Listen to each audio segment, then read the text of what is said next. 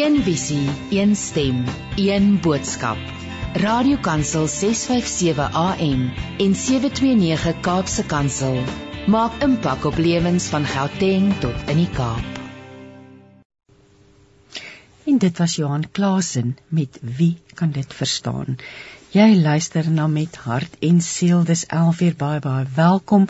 Ek is Christine Ferreira en ons gaan saam kuier van 9 tot 11 hier op Radio Kansel 657 AM en Kaapse Kansel 729 AM. Nou vandag gesels ek met skrywer Madeleine Rust oor haar jongste boek van vrees na vrede. En ons gaan gesels oor haar pad met kanker. Ons sluit ons program af met 'n stilte tyd meditasie deur Melanie Vosloo. So bly gerus ingeskakel vir sielskos en inspirasie. En ek wil vir ons lees uit Lukas 1 vers 37 wat sê: "Want geen ding sal by God onmoontlik wees nie." En dan 'n tweede stukkie uit 2 Samuel 22 vers 36 wat sê: "Here, U het my beskerm en my gehelp. U het my sterk gemaak toe U my gebed geantwoord het. U maak die grond gelyk onder my. My voete sal nie swik nie. U is U het my die krag gegee om te veg. U het my vyande op hulle knieë gedwing. Hulle het vir my gevlug en ek kon die wat teen my is uitroei. Hulle het geskree, iemand moet hulle help, maar niemand kon nie. Die Here leef, die Here moet geprys word. Hy het my beskerm. Die God wat my beskerm en help, moet groot gemaak word. Madeleine Baie baie welkom in die ateljee. Ag, wat 'n voorreg en 'n eer om met jou te gesels vir oggend. Baie dankie. Ag, jy's lekker, dis lekker om hier te wees. Dis wonderlik. Ons twee het laas gesels en ek het gaan kyk op 24 Maart 2020. Ek mm. dink COVID het net begin. Ek dink dit is ja. omtrent in daai en toe het ons gepraat oor kankersmanker. Dit was jou boek wat uitgekom het. So pink voorblad. Ek ja. sien hom voor my. Vrolike boek, vrolike boek. Nou vandag bykans 3 jaar later lyk die prentjie anders en ons gesels oor jou boek van vrees na vrede. Um wil jy nie asseblief met ons deel wat het intussen met jou gesondheid gebeur nie? Ja. Weet jy daar kom die kanker toe terug. En hy bring sy groot boetie saam. Terwyl ek besig was om aan uh, kankersmanker te skryf, het ek die hele tyd gesê kankersmanker. Hmm. Kanker kom nie terug nie. Hmm. En ek het dit geglo met alles wat in my was. Kanker kom nie terug nie. En later van tyd het ek besef dis dit was maar 'n kinderlike manier gewees van ontkenning om te probeer om die sleg weg te hou. Want ja, die kanker het teruggekeer. Ehm um, ek het op daai stadium, ek doen mos navorsing oor alles omdat ek eintlik krimie skryf. En ek het nie eers navorsing gedoen oor metastatiese kanker nie, want dit gaan my mos nou nie, nie gebeur nie. so ehm um, ek het een dag 'n bevlieging gekry en vir my man gesê liefie. Ek dink jy moet vir my 'n uh, DVD gaan koop. Ehm um, ek wil leer om te yoga. En liefie is natuurlik baie verbaas want ek is altyd in die uh, ek ek noem dit die ehm um, fitness protection program. Hy mond van 'n krimie skrywer. ek het myself nog altyd weerhou daarvan om vreeslik te oefen, maar nou ja, soos wat ek nou ouer raak, uh. vertel my lyf daai storie. en ek vra toe vir my man, man, wil jy nie groot asseblief net vir my so 'n DVD bring nie? Ek wil net kyk, daar kan ek dit probeer nie. Dit moet nou stadig en rustig. Stadig. ja. Dit is nou nie 'n grondspringery nie. En hy het dit vir my gebring en jy weet een van daai maklike posisies waar jy nou so sit met jou knieë wat nou so jou kniekoppe wat nou so amper die grond raak. ja. En jy het nou so 'n reën uitdrukking op jou gesig en die wêreld lyk goed en alles is mooi en um, op daai oomblik toe gee daar iets mee in my heup. Hmm. En dit seer, maar dit is verskriklik seer. en ek strompel toe nou na die studeerkamer toe daar waar my man sit en ek sê vir hom liefie sien jy ek moes in die fitness protection program gebly het want ek is skaars uit en hier beseer ek myself en uh maande het verby gegaan en hierdie besering in my lies het net erger geword jy weet nou werk ek en ek skryf en ek doen motiveringspraatjies uh, uh, praatjies en ek doen al my dinge. Jy weet en ek en dan soms as ek nou stil raak dan dink ek moet ek nie man nie, moet ek nie hmm. man net by die dokter 'n draaitjie maak hmm. Want jy het in daardie stadium eintlik op alle vlakke, ander vlakke gesond gevoel. Ja, ek was so gesond soos 'n vis in die water. En ehm um, ek het selfs my my uh, uh, ondersoek by die by die onkoloog uitgestel en uitgestel mm. en uitgestel want ek is mos nou gesond en ek gaan nooit weer kanker kry nie. En ek is mos nou weer in die fitness protection program en so. en uh, nou ja. Dit gebeur toe nou dat ehm um, op die 20ste Januarie ehm um, dit was 2020 toe word ek gediagnoseer met ehm um, met 'n uh, beenkanker, sekondêre beenkanker. En ehm um, Ja, ek dink ek en jy het voor heel wat vroeër. Ek ek het dan ja. datum verkeerd want jy ek sê hier 24 Maart 2020. Ek ja. het teruggaan op my laers, maar ek kan ook verkeerd is want dit partykeer verander ek nie die datum bo aan nie. Ek aan die dokument nie. Maar so was dit ja. 2017 se kant rond. Toe die boek nie uitgekom het. Dis reg. En ehm um, nou ja, uh dit is op die 20ste Januarie 2020 en my onkoloog is so 'n oulike ou. Jy weet hy vertel vir jou jy's besig om dood te gaan dat jy hom bedank vir sy gaafheid na die tyd. Hy's so dierbare man. Hy het vir my gesê Madeleine wat ons basies nou vir jou kan doen is ons ehm um, kan jou gemaklik maak. Hmm. Ons kan die pyn behandel en ons kan probeer keer dat die kanker nie te vinnig wille weghol raak nie. En toe ek daai woorde hoor, toe jy weet mense hoor dit op televisie dat dit ja. vir ander mense gesien word, ja. dit word mos nou nie vir jou gesê nie. En ek het dit ingeneem en ek het dit net daar binnekant gehou. En ehm um, ja, so sê die dokter toe vir my, daar's 'n klompie goeders wat wat hy nou vir my moet laat doen sodat die die mediese fonds nou ook aan boord kan kom. En dit was so malle meele van dinge wat wat toe met my gebeur het. Um ek moes 'n 'n CT scan kry. Ek moes 'n PET scan kry, klomp scans, scans, hmm. scans, scans. X-ray plate. Ek moes um man dit was dit was 'n hele trop goed wat ek op een dag moes doen. Ehm um, sodat die mediese fonds nou dadelik aan boord kan kom. En ehm um, op daai dag slaat ek vir jou neer in die hospitaal. Christine laat die hele fondament sidder.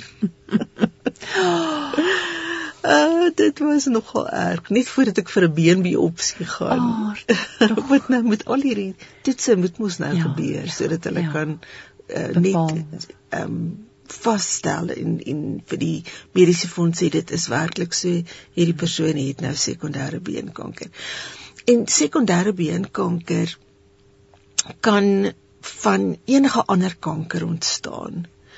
Ehm um, gestel nou maar ehm um, die kanker verlaat my skelet en dit gaan in my lewer in dan sal daar op my sterf my doodsertifikaat sal nog steeds staan ek is dood aan borskanker. Dit het ek nou nie geweet ek, dit is nie. baie interessant. Ja. Ehm um, so die die selletjies waarvan die die borskanker aan mekaar gesit is ehm um, het in my bloedstroom ingekom en uh of deur my limfkliere um, ontsnap en dit het toe na my skelet ingevaar. Um, ek moes toe nou later uitvind dit was in my um, in my pelvis, altoe my heupe, maar my regterheup veral baie baie erg. Hmm. En ehm um, later ook toe nou my ruggraat, my rugwervels. Ehm um, maar nou ja, op die dag toe ek vir die beenbie opsie gaan, ehm um, sodat hulle kan seker maak dit is nou my borskankerselletjies vir daar sit toe ehm um, doen ek wat Madeleine rust uitstekend doen. Vol met 'n knal. Weet jy, ek het eh, in die eerste plek ek ek ek raak verward as mense vir my verduidelik hoe om by 'n plek uit te uh. kom. En ek het al met 'n GPS in my kar verdwaal. Ek doen dit uitstekend goed. Dit is my spesiale superpower. En ehm um, die dag het ek uiteindelik ontdek waar doen hulle die BNB opsies. Toe sê hulle vir my nee, maar hulle is nou besig met 'n pasiënt wat laat was. En toe sê hulle vir my ehm um, jy kan hier in die gang wag of jy kan gaan koffie drink by die by die koffiewinkel en dan terugkom. En nou staan jy daar in die gang en hier kom 'n klomp siek mense by jou verbygeskuif. Hulle almal staar vir jou. Kom as jy in hulle pad en jy voel so half in die pad en ehm um, ek het net nou maar teruggegaan en gaan soek na die koffiewinkel om uiteindelik gekry toe is die koffie so warm ek kan dit nie drink nie dis ek weer terug na die biopsie plek toe en te kry ek dit nie en ek weet daar was 'n klomp bordjies waarop daar gestaan het maar kyk vir die beste van tye kan 'n mens in 'n hospitaal verdwaal nee ja En daai dag het ek dit besonder goed gedoen. Ek eintlik sien ek ouma hier so trappies af waar ek net nou nie moes gaan nie. So nou gaan ek met die trappies af en ek trap per ongeluk die ja. laaste twee trappe totaal en al mis. Ek moet net vra was die koffie nie aan. Ek het my koffie darm daar gelos. ek het my koffie daar gelos. Ag Madeleine, maar ek slaat neer my kinders, my dogter sê ek altyd ek val die vloer aan met my amazing ninja skills. nou ja, so is ek en ek lig my kop terwyl ek so oor 'n gladde hospitaalvloer aanskuur en ek sien ek is reguit op pad na die outomaatmasjien toe. Daar waar mense sjokoladetjies en goed kry. Maar ek skuur vir jou teen die spoed van wit lig want daai vloer is glad. En ek sien, nou werk ek uit ehm um, as ek nou die as ek nou aangaan soos wat ek nou aangaan en ek dink ek gaan eers dan gaan ek met my kop eers in die hoek van hierdie outomaatmasjien vas tussen my oë en ek laat sak my uh kop en hmm. daar is hy net so bo Ag my bo my haar. Jy sien nou nog bo alles Ja, gebeur dit nou. Jy so 'n bietjie nat gelei met Marlene se bloed. Maar ek nee, wag jy nou. Maar kyk, daar's sin vir humor. Dit is verseker 'n groot deel van jou persoonlikheid. Ek wil nou, ons gaan nou, ons gaan nou met my musiek luister en daarna wil ek jou eens met gesels oor hoekom. Wat het jou laat besluit om van vrees na vrede?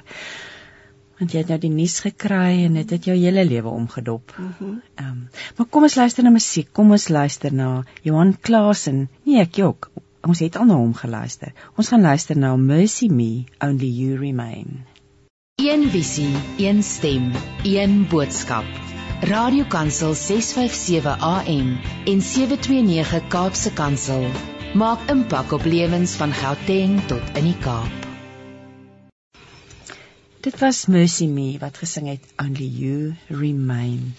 Marlene, maar so in die musiekbreek het ek en jy nou weer die tydlyn weer uittrek. Mag weet jy dis eintlik maak dit nie saak nie. Nee, dit nee, maak niks saak nie. So, maak nie saak nie, maar hoeveel jaar van dit kankersmanker uitgekom het tot vrees na vrede? Ah, dit was nou nog 17, 18, 19, 20, 21, 22, 23, 5 jaar. 5 jaar. So was jy was basies skoon vir 5 jaar. Ek was vir in remissie net, of net so minder as 5 jaar ja. was ek in remissie. Ja, en ek dink ek het waarskynlik 'n bietjie later. Ek kan ek dink ek het met jou gepraat oor die boek bekend vir selfs. Ek weet ek lank op my rak gestaan. Ja, ja. En so ek weet jy, maar maak dit maak glad nie saak, is irrelevant. So vir 5 jaar het en toe verander dinge. Toe jy nou uit daai fitness protection program uitkom. ek wil nou vir jou vra al hierdie goed het gebeur, so jou gesondheid, jy het die nuus gekry, hospitaal het die toets het gewys wat hulle gewys het.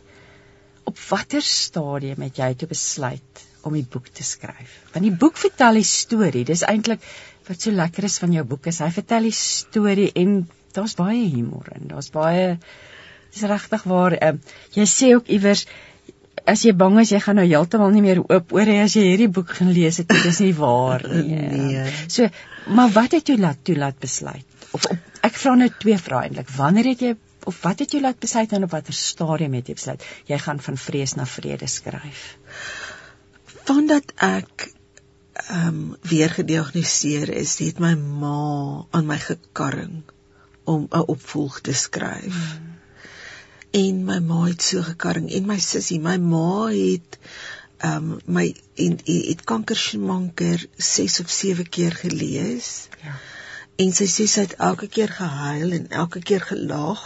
Hmm.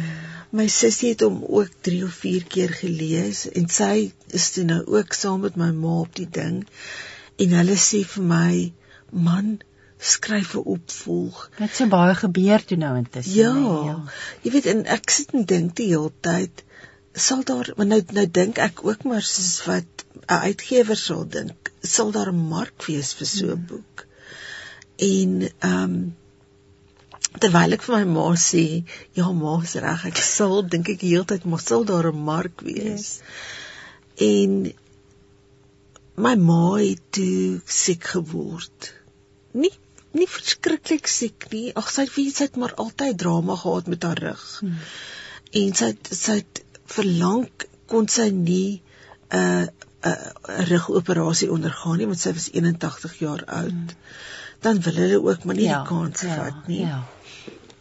En ehm um, my sussie het sy was net ongenaakbaar. Sy het nie die hele tyd gesê Madeleine doen dit, doen dit. En dis toe ek begin het om um, notas te maak van hoe sou die hoofstukke daar uitsien uh indien ek wel 'n boek sou skryf. En toe word my ma net sieker. En toe dink ek sê nou maar ek ongehoorsame kind. Oh. Doen hierdie ding vir my ma wat sy so graag wil hê nie. Ek gaan nou huil. Oh. en ek begin te skryf ek ek voltooi toe die hoofstukke hmm. soos wat ek dit nou maar dink dit het later baie verander en ehm um, my ma het toe gesond geword sy sy het toe 'n operasie ondergaan sy het gesond geword van die rug. Ehm um, sy's haar bewegings is maar baie ingeperk en so aan. En toe het sy net eendag haar sy sy kon sy toe skryf ek nou al aan die boek. Hmm. En ehm um, sy het net eendag besef maar nou kan sy nie meer nou sukkel sy om asem te haal. Ja en ons het die ambulans gekry om haar te kom haal. Ehm um, en teen daai tyd toe gaan dit regtig al sleg met haar. Maar sy het vir ons gejok. As ons vir haar vra, "Mamma, hoe ja. gaan dit?" dan sê sy vir ons, "Sy is in Bloemfontein." Ja. Dan sê sy, "Nee, dit gaan dit gaan goed." Dan stuur ek my sussie, of my sussie gaan kuier op haar eie. As sy my sussie, "Nee, dit maar lyk goed. Maar lyk regtig goed. En so steek my ma dit vir ons weg. Ja. En ek sal nooit vergeet hoe my ma het eendag vir my gebel te sê sy vir my moedertjie, sy het my altyd moedertjie genoem. Sy sê my moedertjie ek dink ek gaan die, na die vader toe voor jy na hom toe gaan. Oh. En ek het wel gesê nee, nooit. Dit is nie hoe dit bestem is nie. Ehm um, weet maam nou maar gereed maak dit is hoe dit gaan wees ek ek gaan voor ma gaan en sy het nie vir my gesê nee sy weet En ehm um, intussen skryf ek aan die boek en ek terwyl ek skryf dink ek aan my ma en ek dink hoe sy dit sou geniet het of hoe sy dat sou geniet het in die boek. En ehm um, toe het ehm um, ek vir uh, my uitgewers gesê soos nou 'n uh, samestelling van die van die hoofstukke. Ehm um, stel julle belang om dit uit te gee. En hulle het gesê ja nee hulle stel ek moet byvoeg ek het vergeet om te sê die boek word deur Lux Werby uitgegee. Dis ja en, en ek neem aan Susan Jordan was jou redakteur. Sy was ja, ja, ja. sy was. So hulle sê toe ja hulle stel belang. Hulle stel belang. En ehm um, uh, toe is my ma skielik opgeneem in ehm um, die intensiewe sorgeenheid en sy het vir ons gesê sy wil nie nou al sterf nie. Sy is nie gereed om te sterf nie. En uh, later moes hulle haar ongelukkig sy sy toe COVID ontwikkel. Hmm. En hulle moes haar toe ongelukkig op 'n ventilator sit. En omdat sy so oud was en en omdat sy soveel komorbiditeite gehad het, ehm um, het dit het, het sy ongelukkig sy kon dit nie maak nie. Hmm So my ma kan die boek waarvoor sy so hard gewerk het nie eens lees nie. Maar ek dink dalk lees sy in die hemel. Dalk lees sy in die hemel. Ja. Wie sal weet nie, ons sal weet as ons daar kom. Ja. Sjoe, maar wat maar wat vir my so mooi is is eintlik die wonderlike nalatenskap. Want die boek is daar geskryf. Hy's hy's vir Anne, hy's vir jou ma geskryf ter wille van haar geskryf. Maar jy vertel jou storie en daardeur bring jy hoop, insig, perspektief vir ander mense wat siek is, vir ander mense wat iemand het wat siek ja. is. Um, so jou ma se nalatenskap ja. is so wyd. Hier sit ons vandag en ons gesels oor die radio. Baie mense luister, vertel vir ander mense. So dit was nie te vergeefs nie, nê. Al het sy het dit nee. nie nie gelees, die eindproduk nie gesien nie. Ek sê altyd vir mense hulle moet probeer om monumente te bou terwyl hulle op aarde is. en dis my ma se monument wat sy deur my hande gebou het. Ja, dit is nie wonderlik nie. Dit is absoluut wonderlik, nee, dis hoe die Here werk. Ja. Want ek wil nou vir jou vra, dit klink partykeer na 'n simpel vraag, maar ek dink ek hou daarvan om vir 'n skrywer te vra vir wie jy geskryf? Wat droom jy vir die boek? Wat boonbehalwe dat dit vir jou ma was? Want ja. daarna moes dit tog sekerlik verander en verdiep. Jy's 'n skrywer van beroep. So ja. Wat het jy soos jy die boek nou klaar gemaak het? Wie het dit geskryf en waaroor droom jy? Daar's 'n paar groepe mense vir wie ek hierdie boek geskryf het.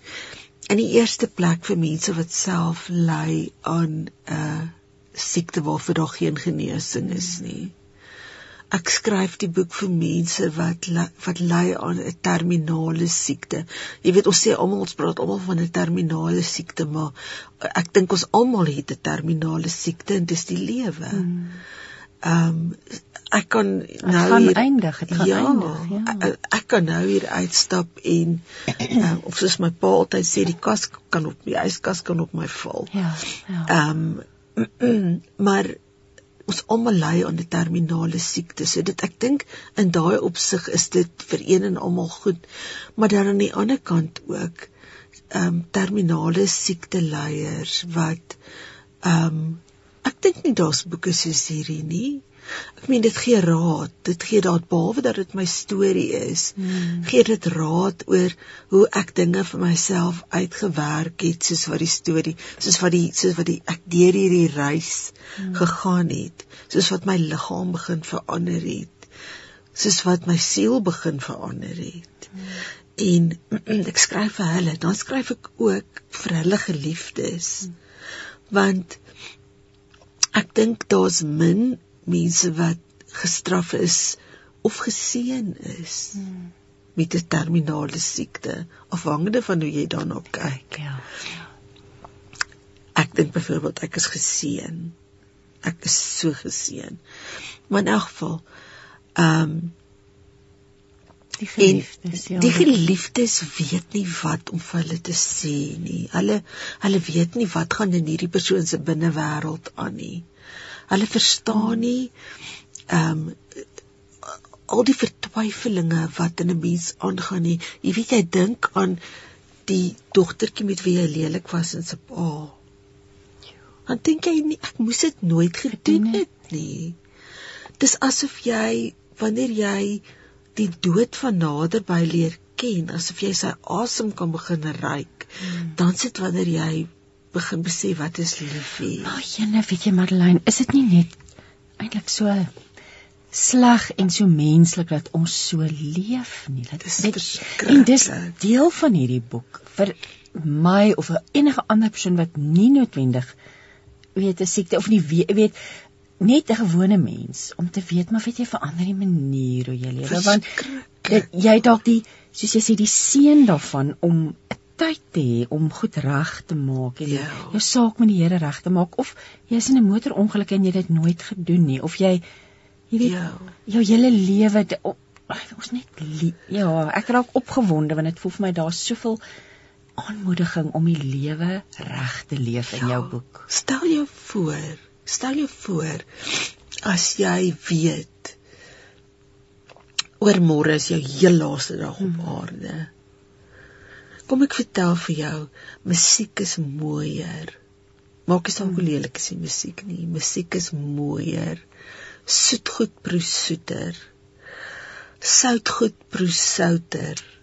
Alles is meer wonderlik en dink net hoe wonderlik ons sal leef want jy sal nie meer aaklig wees met die persoon wat voor jou in die in die ry staan nie want oor môre sterf jy en dan dan het jy jou pastytjie 30 sekondes later gekry jy weet en daai dogtertjie en sop a ja wat jy nou aan nou oorslag voel ja jy weet ehm um, verander jou hele perspektief. Dit verander jou ja. perspektief.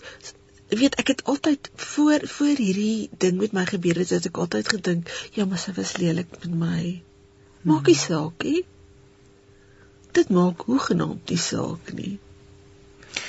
Jo, ons gaan nou hier nagesels oor. Ek wil net teruggaan na kankersmanker en ek wil hoor hoe voel jy nou want jy verwys daarna in die boek. Ehm, um, maar kom ons luister na musiek en ons luister na Michael Neal wat vir ons sing Made Me Glad. Een visie, een stem, een boodskap. Radiokansel 657 AM en 729 Kaapse Kansel maak impak op lewens van Gauteng tot in die Kaap. Dit was Michael Neal met Made Me Glad. Ek gesels met Madeleine Rust. Jy luister na met hart en siel en ons gesels oor haar jongste boek van vrees na vrede vars op die rakke uitgegee deur Lux Werby. Maar Madeleine, kom ons gaan terug na kankersmanker want soos jy sê, jy het heeltemal 'n ander benadering gehad. Die lewe dit was heeltemal anders. As jy nou terugkyk, hoe voel jy oor die boek? Ek dink ek moes en ek het ek het dit eintlik al lankal besef. Ehm um, dat ek moes vir die Here soveel meer eer gegee het in die boek. Hmm. Daar's soveel mense wat my kontak en vir my sê hulle dink ek was baie dapper. Ek is nie dapper nie. Ek is regtig nie dapper nie. Ek is 'n groot lafaard. En ehm um, die feit dat ek dit nie mooi laat deurkom het dat dit God was wat by my gestaan het en my hmm. arms omhoog gehou het. Dit het nie mooi deurgekom nie. Kyk, ek is in die algemeen gelukkig met die boek want daar is ek kan nie vir jou vertel hoeveel mense daar is wat my gekontak het en vir my gesê het sommer op Facebook Messenger. Hmm. Dan sê hulle vir my Madeleine, ehm um, iemand wat ek ken het het kanker gehad ek het besluit ek gaan hierdie boek lees hmm. en ek het besluit om vir die eerste keer in jare vir 'n mammogram te gaan en daar het ek so waar kanker. Of mense wat vir my sê hulle het die oomblik toe hulle uitvind hulle het borskanker het hulle die boek gelees en hulle het dadelik gevoel ehm um, jy weet hulle wil hulle wil ook so ehm um, sterk en en en onoorwinnelik wees en hulle hulle hulle voel dit moet vir alles. Ek dink selfs daar het ek het ek dalk nie genoeg op die op die Here klem gelê nie. Want ek ek glo byvoorbeeld glad nie die Here gee vir 'n mens 'n 'n siekte soos die nie. Hmm. Ek glo die Here kyk vir jou so en dan sê hy, "Oké. Okay, die vyand het nou dit gedoen. Kom ons kyk hoe kan ons van hierdie dinge triomf maak." Kom ons kyk hoe kan ons nie net jou red nie, maar ook tallose ander mense. Net om vir die vyand tong uit te steek. Ja. En dit het jy inderdaad gedoen. Ek, ek jy weet nie eers van die daar's maar die paar wat vir jou laat weet. Ja. Jy weet of vir die die moed wat jy want ek het ook teruggegaan na ons notas in die gesprek laas en dit het baie gegaan oor die hoop en die moed wat jy die mense gegee het en ja, net om hulle te help. Omdat jy self daardeur gegaan het, nê. Nee. So ja. Daar was daar was een episode in my lewe nadat ek nadat die boek uitgekom het wat my hart bitterlik diep geraak het. Um ek het die dag um na 'n uh, um atelier toe gegaan. Uh ek dink dit was vir die groot ontbyt waar daar ook 'n insetsel was oor kankersmanker. Mm. En toe ek so sit en luister, daar's so 'n um, plekkie waar jy rustig kan sit en luister vir die mense wat voor jou is. Mm het dit sit besef ek maar dis die, die mense te vreeslike ehm um, uh, opgewekte ehm um, ligte aanslag. So ek wil nou nie kom en uh, weet haar al die mense se se moed vir die dag laat verloor en hulle laat dink, "O, oh, ek wil my hare uitblik nie." Hmm. En ek hou te my aanslag net so lig soos wat dit soos wat ek soos wat die res van die mense dit hou. En toe ek wegstap van daai verhoogie af, toe staan daar 'n man my en in wag een van die uh, kameramanne. Ehm um, en ek sal hom nooit in my lewe vergeet nie. Hy het 'n baard gehad en hy het 'n uh, eh, blokkies hier gehad, miskien erken hy homself soos wat ek hom vandag beskryf. Hmm. En hy het my gesê my dogter het borskanker gehad. Nou aan hoe hy lyk, het dit vir my voorgekom asof hierdie nog 'n jong man was. Hmm. Jongerige man. So my eerste gedagte was dit moet 'n jong dogter wees wat hierdie kanker gekry het of 'n jong meisie. Hmm. En ongelukkig is dit sodat hoe hoe jonger die pasiënt, hoe, hoe meer aggressief is die kanker. En ek sê toe vir hom, ek is verskriklik jammer om dit te hoor en ehm um, hoe gaan dit met haar? En toe sê hy vir my sy is binne 4 maande nadat sy gediagnoseer is oorlede. Maar terwyl hy daar met my staan en praat, is daar 'n traan wat oor sy wang loop. En ek wou die wêreld so goed vir hom sê, maar ek kon nie. Ek wou hom troos en hom vashou, maar hy's terug na sy kamer toe. Hierdie uh, sy werk gaan aan, alles sy kind dood. En dit was vir my so hartseer. Ek het so gevoel dat met hierdie ligte aanslag van my het ek dalk die verkeerde ding gedoen. Ehm um, ek moes gesê het hoe erg dit is, hoe sleg dit is. Ehm um, maar ek moes ook gesê het dat daar die Here is daar. En ek glo as die Here jou gaan kom haal, dan kan gaan hy jou kom haal.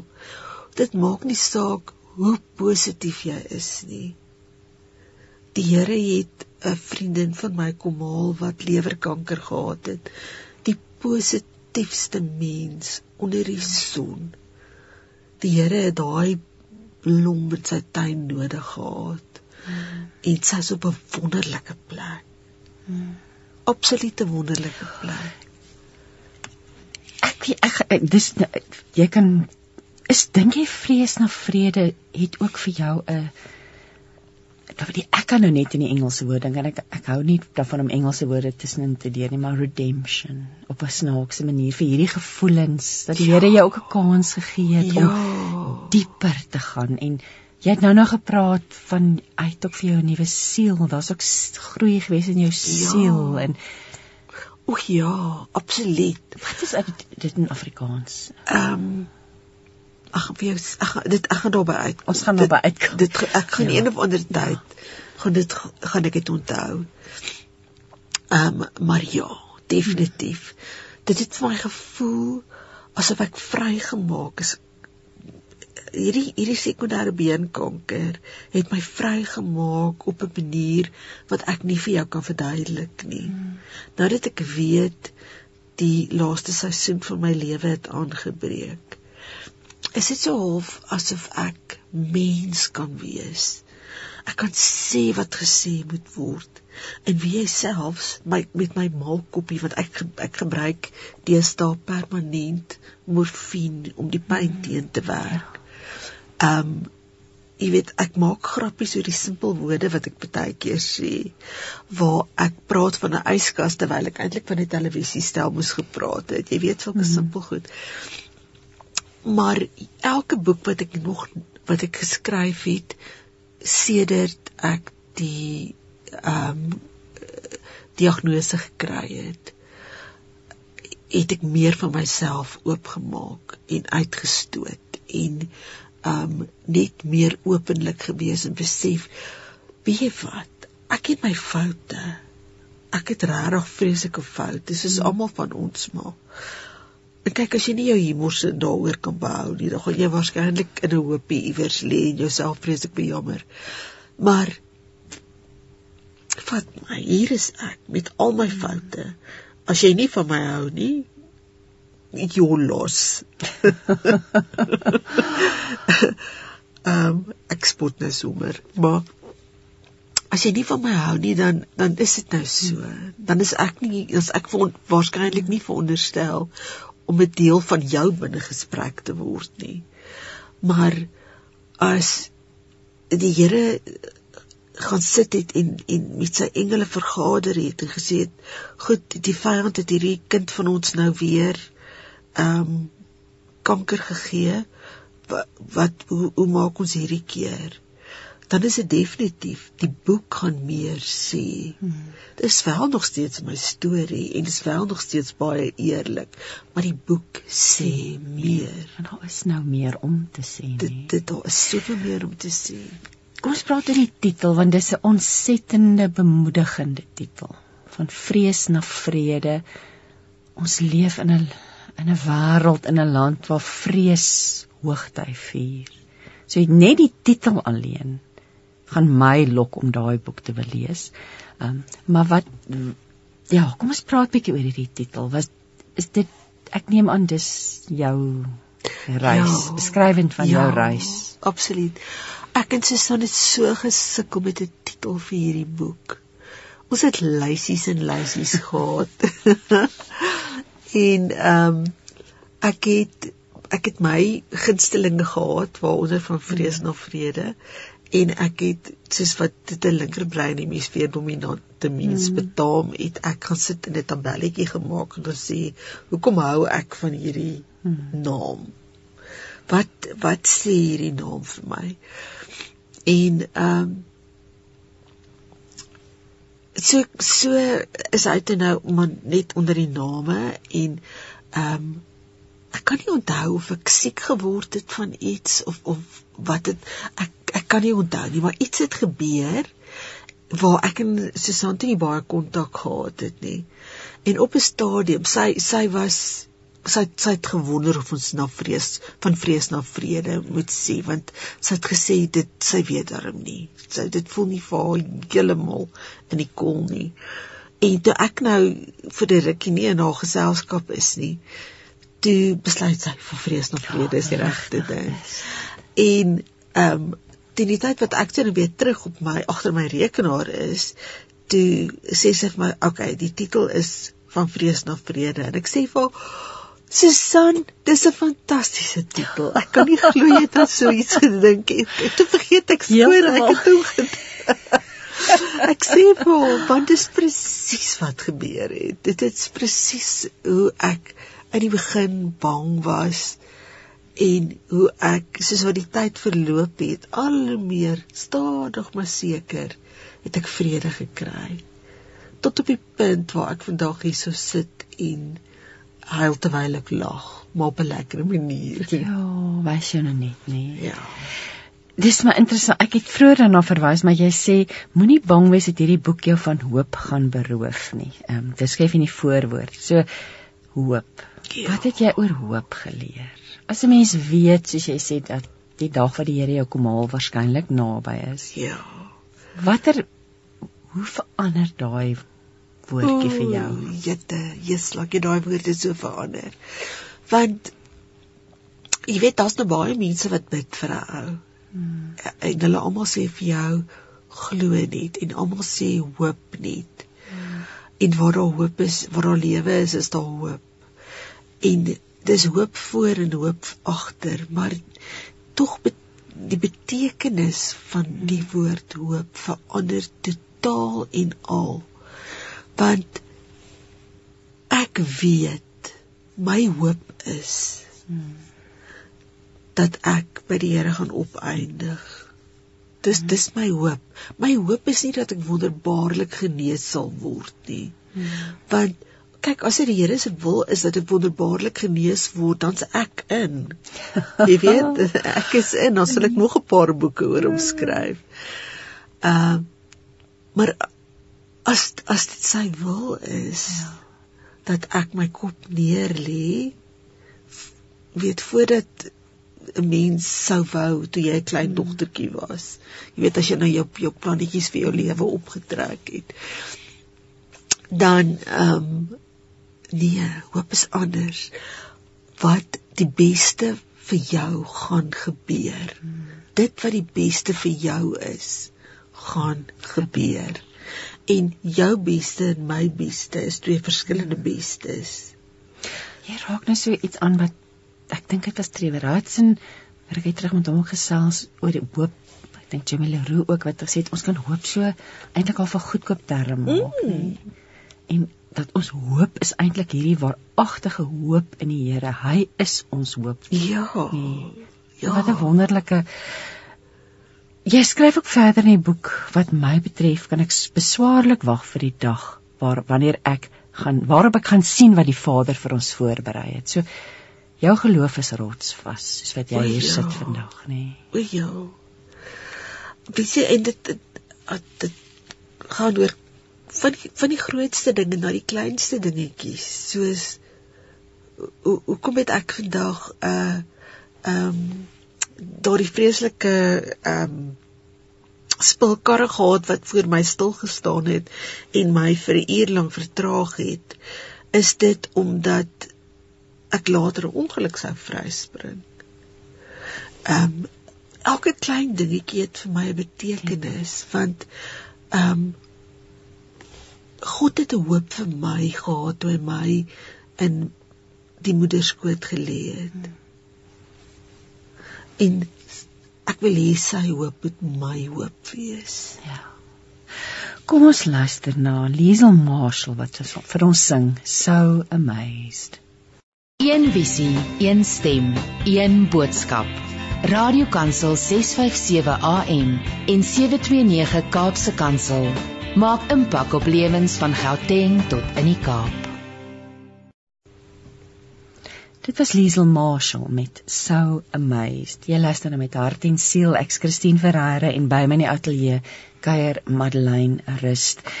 Madeleine Jy eindig die eerste hoofstuk van die boek met met hierdie woorde: Niemand weet hoeveel tyd ek oor het nie, nie een van ons en net God weet.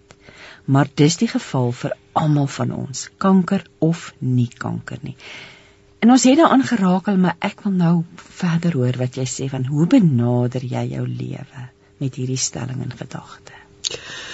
As almal dit maar net wil doen, as almal maar net wil hulle lewe benader asof die swentjie wat hulle nou vir hulle man of hulle vrou gaan gee, die heel laaste een is, die heel laaste geleentheid.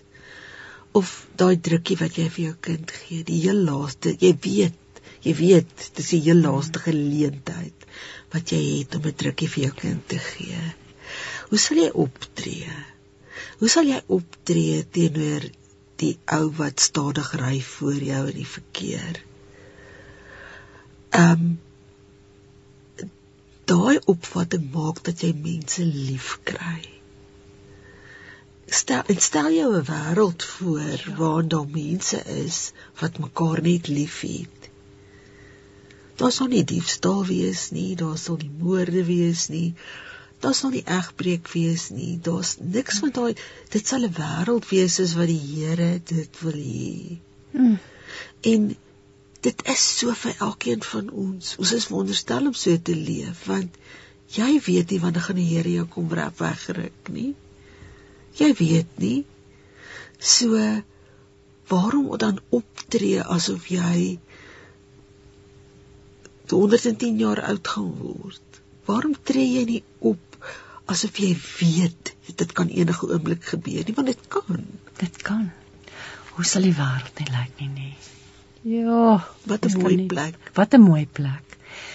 Kom ons praat 'n bietjie oor die impak van jou diagnose op jou geliefdes en ek dink baie mense gaan hierby kan baat want hulle beleef dalk dieselfde emosies, maar want dit daar's emosies aan jou kant. Ons het ook vroeër het jy dit al genoem bietjie. Daar's emosies aan jou kant. Daar's hulle emosies. Hoe ja. hoe hanteer julle dit as 'n familie? ons het begin om dit ek moet sê dit was baie moeilik vir veral John en die kinders. John het vir omtrent 2 weke lank glad nie met my gepraat na die diagnose nie. Van skok, ja. Van skok. Jy weet dit was dit was maar net die nodige gee die suiker aan, jy weet mm. kan ek 'n bietjie koffie mm. kry wat ek al. Ja. Ehm um, en die kinders was hulle hulle was in 'n toestand Hoe oud is jou kinders? My kinders is is groot al. My ehm um, seun word nou 31, my dogter 32. Ja. So hulle is al groot, maar ehm um, hulle moems hulle hulle is nou daar staan waar hulle moemsie is nou hulle is nou hulle kind. Oh. Hulle tree nou op soos die ja. ouers teenoor ja. my. Ehm um, maar hulle vir my was dit belangrik om met hulle te praat oor my komende dood. Jy weet dit is, nee. dit dit gaan gebeur, so kom ons praat daaroor. Ek wil graag praat oor wat se soort begrafnis ek ja, wil hê. Ja. Ek wil graag praat oor die feit dat ek graag veras wil word. Ja. En ek wil graag praat oor die feit dat ek wil hê mense moet eerder blomme gee vir, vir mense in hospitale wat nooit blomme kry nie. Jy weet, ehm um, daar oor sulke dinge wil ek gesels, maar dit het vir die kinders was dit verskriklik om net daaraan te dink. Hmm. En ons het eendag so gesit en ek was weer besig met met hulle te praat te sê Tanya vir my ma kan ons nie maar eerder so maak nie. Wanneer ons nou praat oor ma se afsterwe, dan praat ons nou dan sê ons nou wanneer ma op vakansie gaan. Ag, oh, moeder. So, ehm um, dit dit is dit is nou wat dit wat jy weet dit dis nie wat jy sê. Ons sê nou dit. As daar 'n gesprek is oor ma wat op vakansie gaan en daar is nie ons weet daar is nie onlangse jy weet reëlings getref nie, dan dan weet ons nou dit is 'n lang vakansie. Ehm um, my ma het haar ehm um, vriendinne wat aan gebedsgroepe reg oor die land is, het sy ehm um, opgeroep. Ek het 'n weermag wat agter my mm. staan. My weermag bid dat ek gesond moet word. Ehm um, ek sukkel om dit te bid. Mm. Maar my my weermag bid daarvoor en al het ek al vir my weer mag gesê bid eerder dan ander gebed bid dat ek my laaste tyd met met grasie hmm. tegemoet gaan Jy weet dat dat ek ehm um, dit met met nou nou kom die Engelse woord by my uit dignity. Ja, waardigheid. Waardigheid dat ek met waardigheid my tyd, hmm. my laaste tydjie sal tegemoet gaan. Dis wat ek bitter graag sou wou hê almal moet bid wat vir my bid. Weet jy, dis ek terwyl jy dit sê, dink ek ek wonder hoeveel mense mens gaan ek ek ek kan verstaan dat die geliefdes gaan nou 'n ander rigting en want hulle wil dit nie hê nie. Hulle wil dat, dat mense weet ook hoor wat wil die persoon ja in die situasie. Kom ons praat, dis lekker die boek. Die boek gaan vat jou so deur die hele reis in want want een van die goed wat saam met siekte kom is verlies. En ehm um, jy moes byvoorbeeld ophou bestuur. Dit jy vertel van die wat noem hulle die grys mamma, wat is die ja. ja, ja. Ek vra nou vir jou hoe hanteer 'n mens hierdie vele verliese wat op 'n daaglikse basis oor jou pad kom waarmee jy gekonfronteer word? kom ek sê eers vir jou so dit is dis moeilik hmm. dit elke dag of as jy 'n nuwe verlies ervaar dan herinner dit jou aan die vorige verliese maar 'n mens raak nader aan so dat jy jy vergeet van hmm. die die verliese dis asof dit het in 'n voor in 'n vorige lewe het ek my grys mamma bestuur Ehm um, nou is dit John se plesier. ek het daarom nog die voorreg om voor te kan sit langsom. Ehm um, en glo my hy hy, hy sit nogal sy voet op die petrolpedaal neer as hy die dag wil. Maar uh, uh ja, dit is net dit is net 'n geval van uh leer om 'n ander manier te kry om met ding te doen.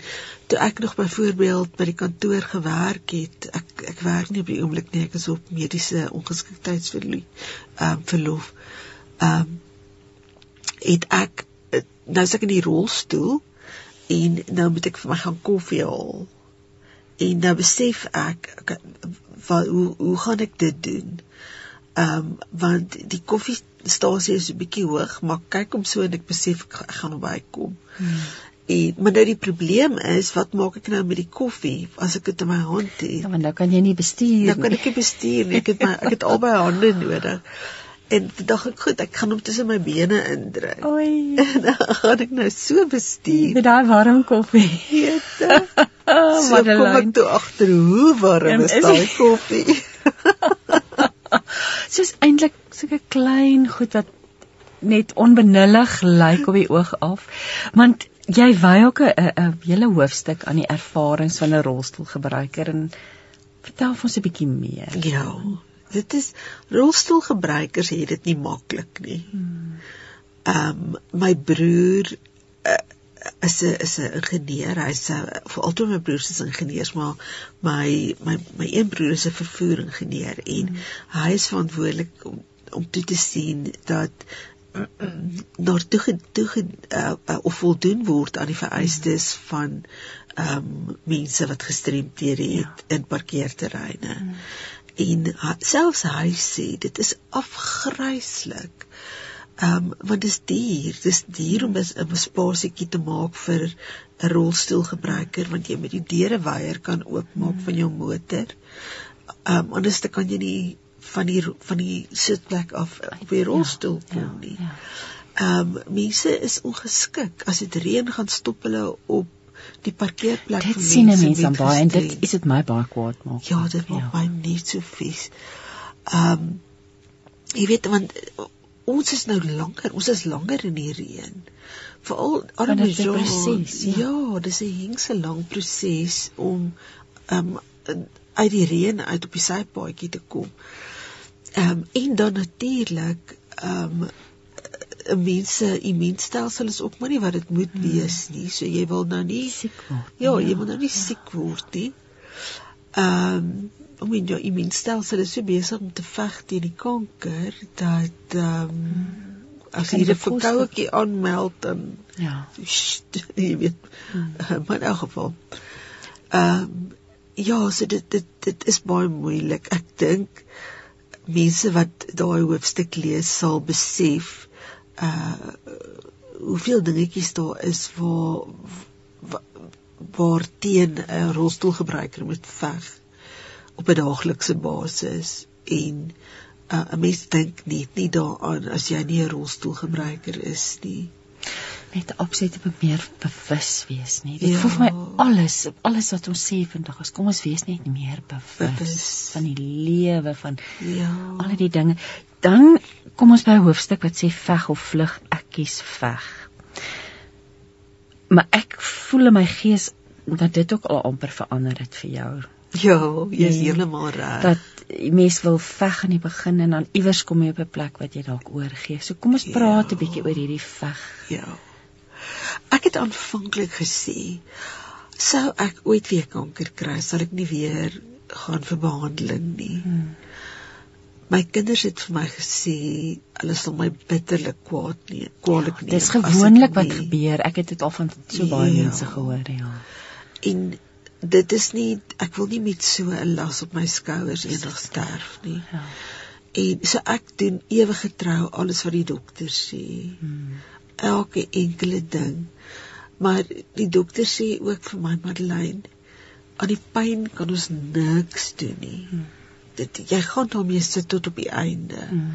Ek gebruik werklik sterk pynmedikasie op hierdie stadium en ek moet nog steeds soms gereeld um, ekstra pynmedikasie gebruik vir 'n deurbraakpyn en dit maak dit ou baie slaap. Hmm. En jy wil dit nie doen nie want jy wil soveel as moontlik van die lewe nog ja, geniet jy, ja ja jy jy dan nou tyd ja. jy kan dan nou uh, jy weet tyd saam met jou mense deurbring en jou mense net geniet vir wie hulle is ehm um, so die veg jou het jou veglus gedaan dit het gedaan dit ja. het definitief gedaan dit voel vir my ek het nou twee boeke geskryf oor die siekte en oor die manier waarop dit behandel moet word. Ehm um, nou voel dit vir my daar lê baie pyn voor. Ehm um, en ek moet op 'n manier, jy weet ek ek moet op 'n manier al hierdie wonderlike mense wat vir my bid, so ver kry om te bid vir daai waardigheid Hmm. Ek wil hê wanneer ek eendag my kop neer lê, moet mense kan sien dit is nou regtig met waardigheid gedoen. Ehm um, ek het ver as wat ek kan alles reeds reggemaak hier op aarde. Jy weet sodat ek nie 'n nagmerrie boedel het en my mense moet ja. rond. Want dit is nogal vir interessant. Ons spring nou na 'n later vraag toe, maar jy eindig ook die boek mm. met praktiese raad. Ja. Um, weet die, die dit het, dit het my ook laat beter voel. Dit het my ook dalk omdat ek so ehm um, linkerbrein hemisfeer dominant is dit het my ook laat beter voel dat ek my lysies ja, lysies is gemaak van die dinge wat mense ja. kan doen om dit vir hulle hmm. makliker te maak. Ja. Jy weet ek het nooit geweet daar bestaan so iets soos 'n ehm 'n patient advocate nie ek kan nie onthou wat dit wat, wat is die Afrikaanse naam wat ek dit in die boek noem nie. Maar die die persoon wat ek gebruik se naam is in die boek. En ehm um, jy weet dit is 'n persoon wat so wonderlik is. Jy gee al jou goedjies vir daai persoon en sy reël alles vir jou. Maar dit is eintlik wonderlik, nee, want die familie die oomblik wat iemand tot tot afsterwe kom, is hulle so in skok en daar's soveel administrasie. So ja. Wat het jo, dit is nog ek het nie eers geweet dit bestaan so iemand nie. Ja. Kom ons luister na musiek en dan gaan ons aan met ons gesprek. Ons gaan nou luister na Johnny Lamb and the Daystar Singers wat vir ons sing The Journey. Een visie, een stem, een boodskap. Radiokansel 657 AM en 729 Kaapse Kansel maak impak op lewens van Gauteng tot in die Kaap. En dit was The Journey deur Johnny Lamb and the Daystar Singers. Jy luister dan met hart en siel. Ek's in gesprek met Madeleine Rust, bekende skrywer. Ons gesels oor haar jongste boek Van Vrees na Vrede, uitgegee deur Lux Werby. Madeleine, jy praat in die boek ook van ek loop en ek val en ek staan op. Wat Ja. Wat wil jy daaroor sê? Ek ek dink dit is baie belangrik en dit is 'n baie belangrike les wat ek geleer het. Op die betrokke dag was ek alleen by die huis. Pretty was nie daar nie en Jean was nie daar nie en die kinders niemand was daar nie. En ek het besluit ek wil iets uit een van die laaie uithaal. Kombuiskas se laaie uithaal, maar dit is laag. Nou moet ek op 'n manier op die vloer kom, maar nou voor dit het ek 'n verskriklike 'n nege lange heupoperasie gehad hmm. met revisie en dis pyn pyn pyn dis baie erg maar ek wil ook nie voel ek is nutteloos nie. Ek wil nie 'n nuttelose kruik wees nie. Ek wil nou iets kan doen ook. Nou wil ek iets vir die katte daaronder uithaal. Ehm um, catnip. Ja. Dit was catnip. En kry myself op die ou einde dat ek op die grond is maar nou is ek nou leek plat op die grond en ek hierdie catnip en Ek besef ek maar nou kan ek nie opkom nie. en die katte is al om my. Want, want jy het die catnip in die hand. Die catnip en hulle wil net catnip en met ouma speel. En ehm um, ek lê daar, nou dink ek, okay, hoe gaan ek in ek bewerk enige plan in wat ek kan bedink dan probeer ek myself in die kombuiskaste optrek, maar ek besef ek is te gewigtig daarvoor. Ek is te duidelik sigbaar daarvoor. En ek kan ook nie bo by die kombuiskaste self uitkom nie. En ehm um, dis seer man. Hmm. laat jy dit daar daar's pyn in my kniepyn. En ehm um, so draai ek naderhand op my maag en ek bespied en ek sien goed al wat ek kan doen is ek kan uh kamer toe kruip. Maar dis ver kamer toe. Ons bly nou ou klein meentuisie, maar dit het baie, baie ver gevoel. En ehm um, ek dink nee, dit ek ek kan nie dit doen nie. Ek het so 'n paar treetjies gekruip toe besef ek nee, my knie is te seer. Uh my knie het net so groot geswel gestaan van een of ander inflammasie. En uh nou draai ek op my rug, nou lê ek met my arms so op my oor my oor my maag gevou. Dit dink ek wel. Nou moet ek maar hier lê tot John vanaand 5 uur huis toe kom. Ewe self bejammerend.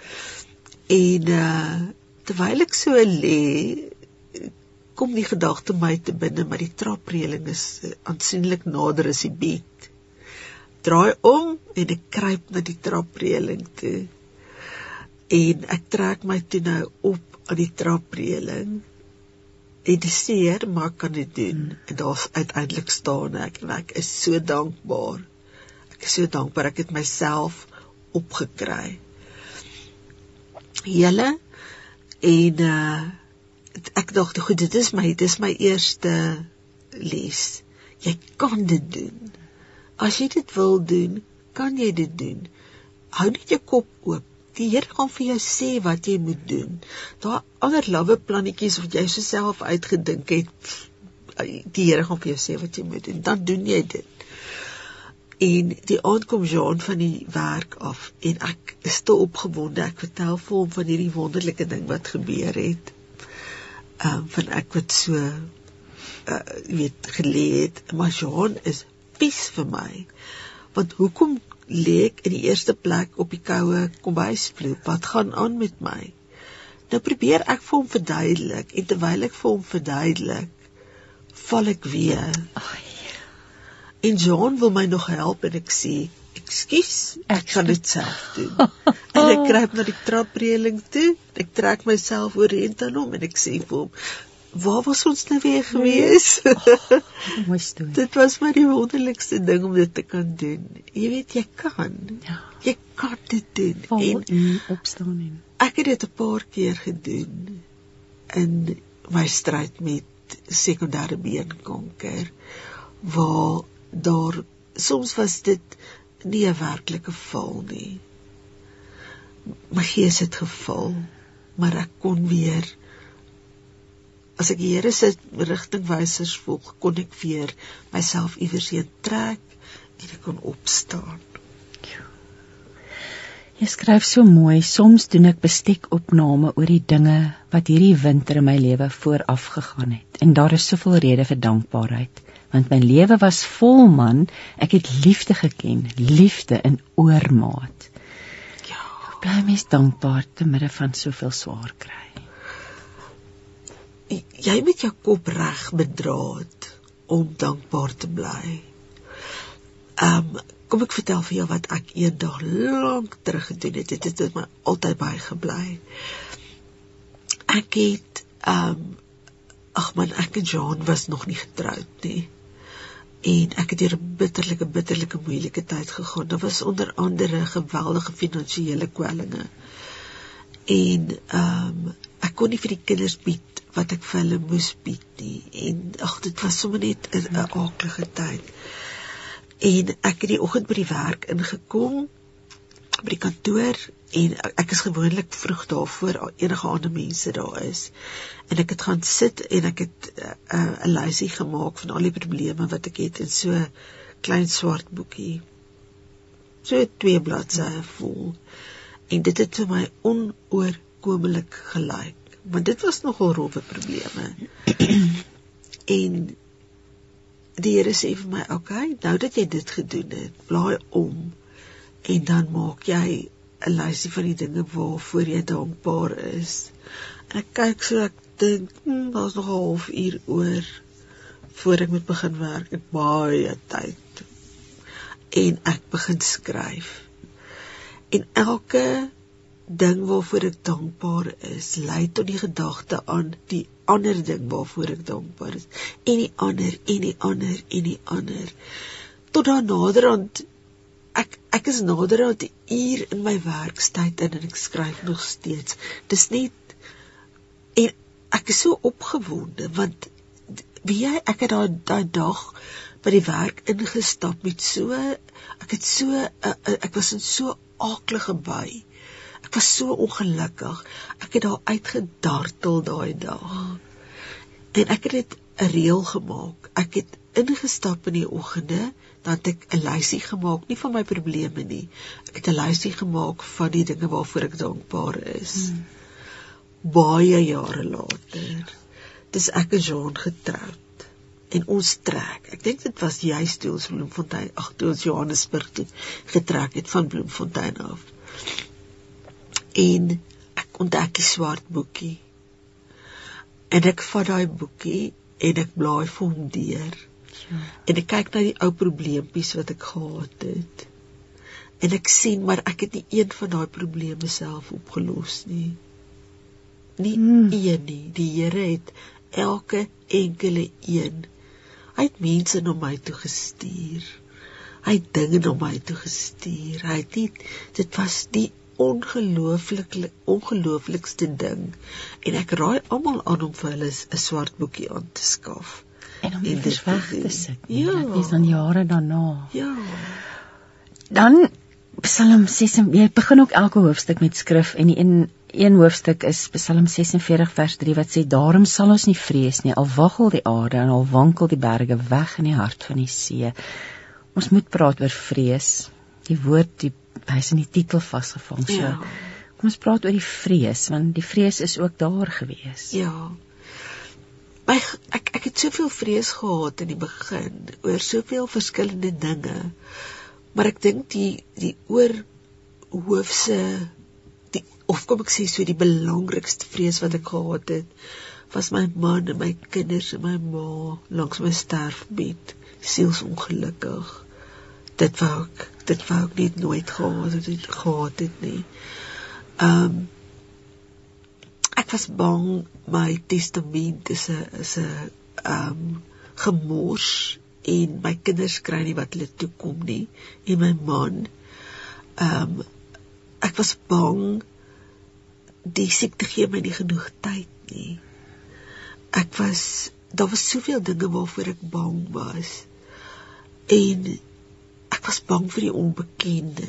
Natuurlik want jy weet mos nou nie wat gaan gebeur nie. En ons dokters is baie oulik maar die dinge wat hulle al vergeet het om vir 'n pasiënt te sê wil ons nou weet. Hulle hulle is so slim en hulle so in die ding in dat hulle vergeet om vir ons klein dingetjies te sê wat ons beter sal laat voel of wat ons net meer sal leer sodat ons onsself kan laat beter voel. En uh ja, so dit was my vrees, maar ek het elke enkele stukkie van daai vrese wat ek gehad het, het ek afgebreek tot op die grond. My kinders, Tanya sal dan na my toe kom en vir my sê, "Ma, ehm um, vir ma se diens, dink maar nie ons moet dit of dat doen nie." Ehm um, Nico dieselfde ding. Hulle hulle is hulle is hulle het vrede gemaak Dit gaan nog steeds mm. hartseer wees ja. as hulle langs my bes. Dit daai vrees ook vir jou, ja, ja. Weet jy wat uh, uh, hulle weet soos wat ek nou vir hulle hoeveel keer al gesê het, mm. ek gaan na die wonderlikste plek toe. Ek kan ek kan beswaarlik wag om daar uit te kom. Mm. Ehm um, en ek sê ek het werk gemaak vir my testament om seker te maak alles is 100% uh, daar gaan nie gesukkel wees nie. Al die goeters wat my tot rasernay wou dryf in terme van vrees, het ek self aangespreek en elke een van jou luisteraars kan dit ook doen. Ons kom nou by ag net so 'n pragtige aanhaling want wat sou ons Vader wou maak met verrotte en eengekrimpte siele wat nooit deur die vuur is nie. Hoe kan hy ons in die hemel toelaat voordat ons siele getemper en geskroei is, voordat dit uiteindelik suiwer genoeg is om die hemel werd te wees? En dan wil ek nou vir jou vra, en ek dink jy noem dit ook in die boek Madeleine nou versus Madeleine toe. Ja, die die aanhaling, ehm um, ek ek sê altyd vir mense moenie bang wees as daar slegte dinge in jou lewe gebeur nie. Want net slegte dinge kan jou siel temper en skroei en suiwer maak. Waar het jy nou al gesien iemand wat nooit enige probleme ervaar nie, se siel groei en word ryker en word beter. Ehm um, dit dit is dis dis onlosmaaklik verbind aan seer kry. So moenie seer kry soek nie, Maar as sekerheid na jou kant toe kom, dan vat jy dit. En jy lig jou ken en jy sê ek gaan jou tap vir elke bietjie kennis wat ek uit jou kan kry, vir elke bietjie krag wat ek uit jou kan kry. Want eendag in die nabye toekoms gaan jou groot boetie kom en dan gaan ek slimmer en sterker wees en ek sal hom te bowe kan kom. Ek wil hê mense moet so daaraan dink. En as ek nou so na jou luister en as mens die boek gelees het, die buitemens is afgetakel deur die siekte, maar die binnemens o, is absoluut reg. Triomfantlik. Jy's so reg. Daar bly so min oor van die buite vir die van dit wat hmm. wat mense kan sien. En dis eintlik so hartseer want as mense kan sien hoe triomfantelik die binnekant is mm. en dit kan jy nie deur die ja. oë sien dan sal hulle nie so bang wees vir slegte dinge wat met hulle moet gebeur nie jy word so wys ja dis Romeine 8 vers 28 haal jy ook aan in die boek en jy sê ons weet dat God alles ten goeie laat meewerk vir die wat hom liefhet, die wat volgens sy besluit geroep is ook 'n skrif wat weet eintlik amper partykeer soos 'n klisjé gebruik ja. word. Ja. Maar vandag wat jy het al baie daarvan getuig, maar wat beteken hierdie skrif vandag vir jou persoonlik? Persoonlik beteken die skrif vir my dat om ten goeie vir my te werk, hmm. moes ek moes ek siek word. Iets moes gebeur met my. Of dit nou kanker is of nie, maar die vyand moes 'n geleentheid gegee word om vir my te gryp sodat ek 'n geleentheid gegee kon word om te kon praat met iemand soos jy oor triomf. oor triomfantlikheid sodat ek boeke kon skryf. Mens sou nooit kon dink as jy as jy na daai ehm um, uh deeltjie luister, as jy nooit kon dink hierdie persoon koppel dit aan iets so sleg soos metastatiese kanker nie. Hmm. Maar ja, dit is. Want dit is dit is my ten goeie dit is my ten goeie en ek sal dit nooit vir iemand anders wou gee nie. Dit is myne. Kom ons luister na musiek en Toby Jooste gaan vir ons sing. Nader my God. Een visie, een stem, een boodskap. Radiokansel 657 AM en 729 Kaapse Kansel maak impak op lewens van Gauteng tot in die Kaap. En dit was Toby Jooste met Nader my God.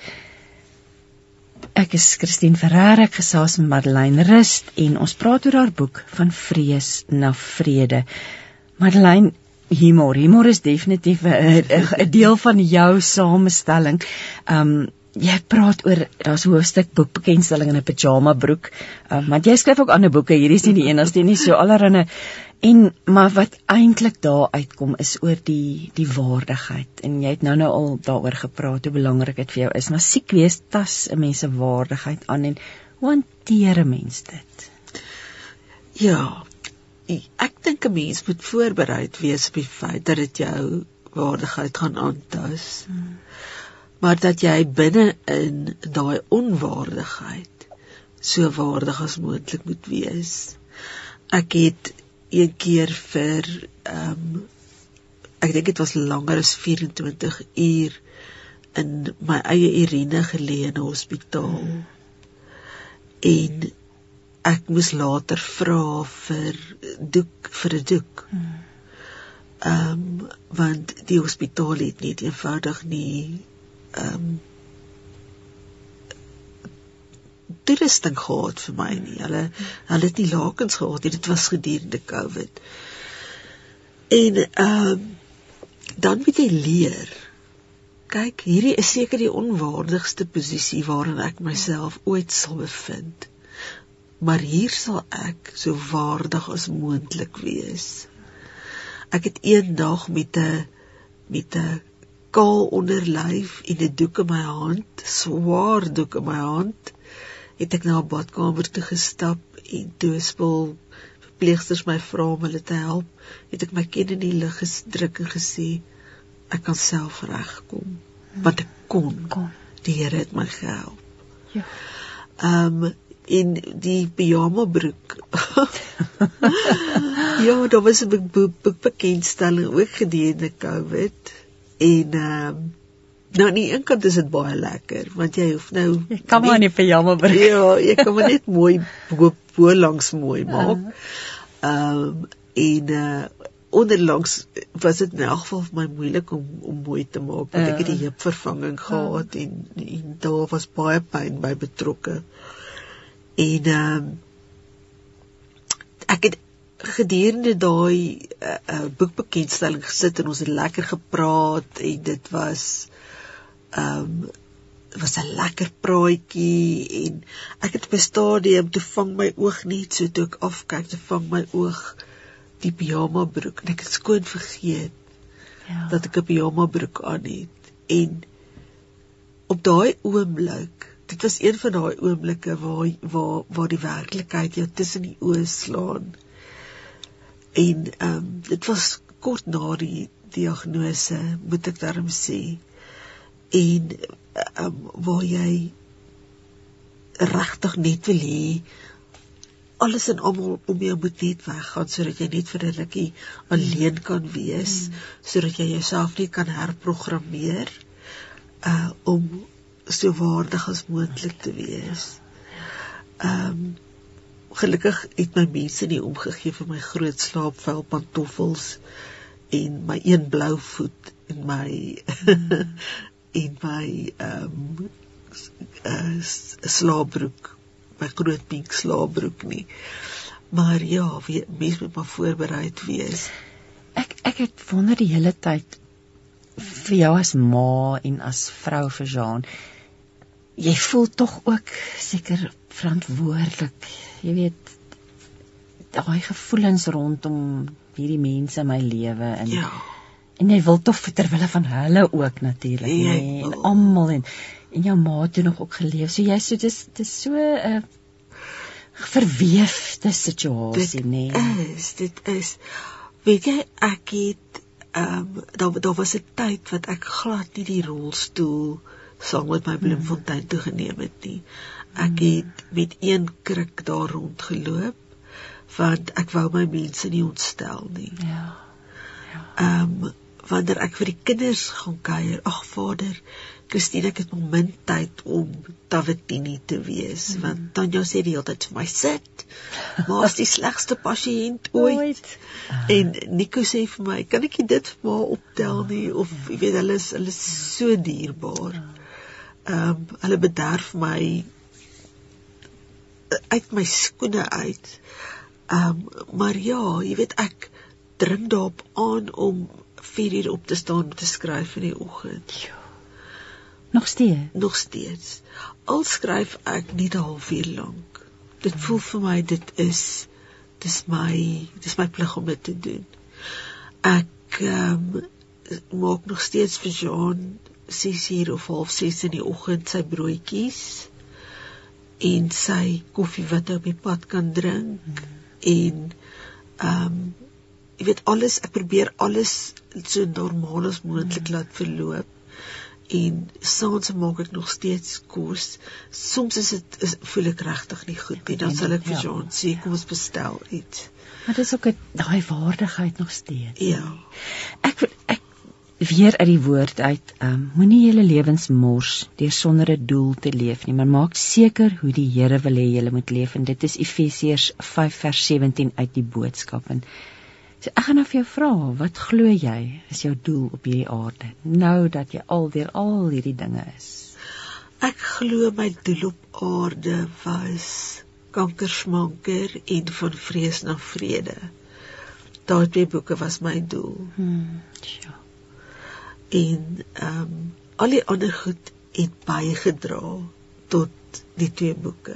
Want jy het 'n rits ander ook geskryf. Moederland het ook nou pas op my ja. Ja. daar by my aangekom op my lesenaar Ja, beland. dan. Moederland. Hoeveel het jy geskryf al? Ehm um, hierdie jaar kom my 11de en my 12de boek op Ja. die rak. Ja. Ehm um, van vrees na vrede is nommer 11 en Simbamba is nommer 12. En dan skryf jy nog een.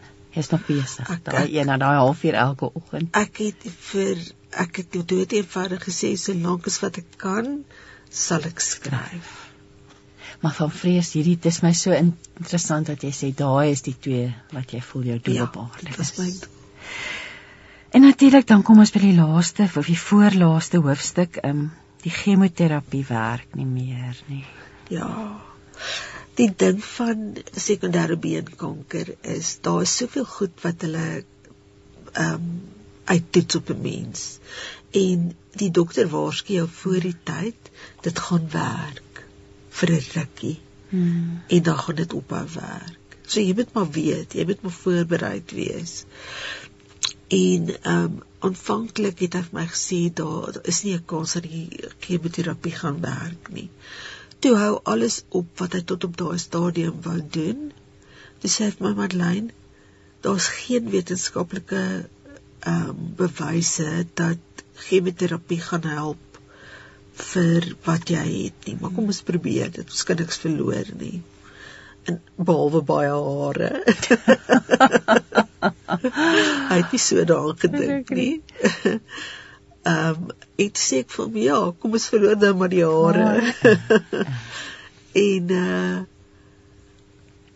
toe dit het aangegaan. Ag die eerste uh, maand, twee maande het die kankermerkertelling verskriklik gedaal. Hmm. Ontsaglik vinnig gedaal. Toe kry ek hoop wat ek nie moes gekry het nie. En die na die laaste 2 maande toe is die neeweffekte van die uh van die chemoterapie regtig verskriklik erg. En toe terselfdertyd sê die dokter vir my goed. Hmm. Dit werk nou nie meer nie. Hmm. So dit het my baie mooi gevra want ek het vir hom gesê ek sal dit nooit doen nie. Hy het my baie mooi gevra, Madeleine, kan ons nie maar net ehm um, uh hormoononderdrukkers probeer nie. Hmm. En ek het vir hom gesê, "Goed, dis nou 'n soort hormoononderdrukker wat ek nog nooit gebruik het nie. Die res het my die die neeweffekte was net te erg. Ek sou dit nie gebruik nie. Maar dit is toe nou 'n nuwe ouetjie op die blok en ek het dit nog nooit gekry nie. Toe dink ek, goed, laat ek dit maar probeer." En ehm um, dit wil voorkom asof dit die kanker min of meer op hierdie stadium nog in toom hou. Ek het nou gesê die voorlaaste boek en ons het ag hoofstuk en ons het gepraat oor die titel, oor die hoofstuk oor die oor my navorsing, al die lysies, al die praktiese ja. goeders. En dan natuurlik die heel laaste boodskap, ag heel laaste hoofstuk is natuurlik die titel die einde. So laaste gedagtes van jou kant af. Ja. Toe ek daai woorde tik, die einde. Hmm. Toe is dit soveel meer as net twee woorde uh, om dit alles te kroon het ek op daai stadium redelik sleg gevoel, ek het baie lekker gevoel nie en ehm um, die einde het vir my beteken dit kan net sowel die fisiese einde ook wees. En ehm um, ek wil nie hê mense moet aan my dink as iemand wat 'n uh, lepel in die dak gesteek het uh, wanneer hulle die daai woorde lees nie want my my ongeloof is 'n baie slim ou. ek is nou so in die mediaan. Ehm um, ek ek dink dit is iets soos 28 of 2.28% mense met hierdie soort kanker maak dit tot en met 5 jaar. So, maar ek het 'n baie slim onkoloog, so miskien sleep hy my nog toe. En jy weer mag. Onthou die weer. Hy het weer mag. Jy die weer mag. Ag, Madeleine, wat 'n wonderlike gesprek en wat 'n voorreg was dit nie vir my vandag om met jou te gesels nie. Dit was net so lekker. Ja, en jy is net jy's 'n inspirasie en ek bid die Here se seën oor jou. Ek bid vir daai waardigheid wat jy voorvra en ek ek ek en ek wil nie ek wil nie onnodige beloftes maak maar as ek aan jou gaan dink sal ek daai gebed ook bid. Um dat dit so sal wees. Maar ek bid ook seën oor hierdie boek van vrees na vrede.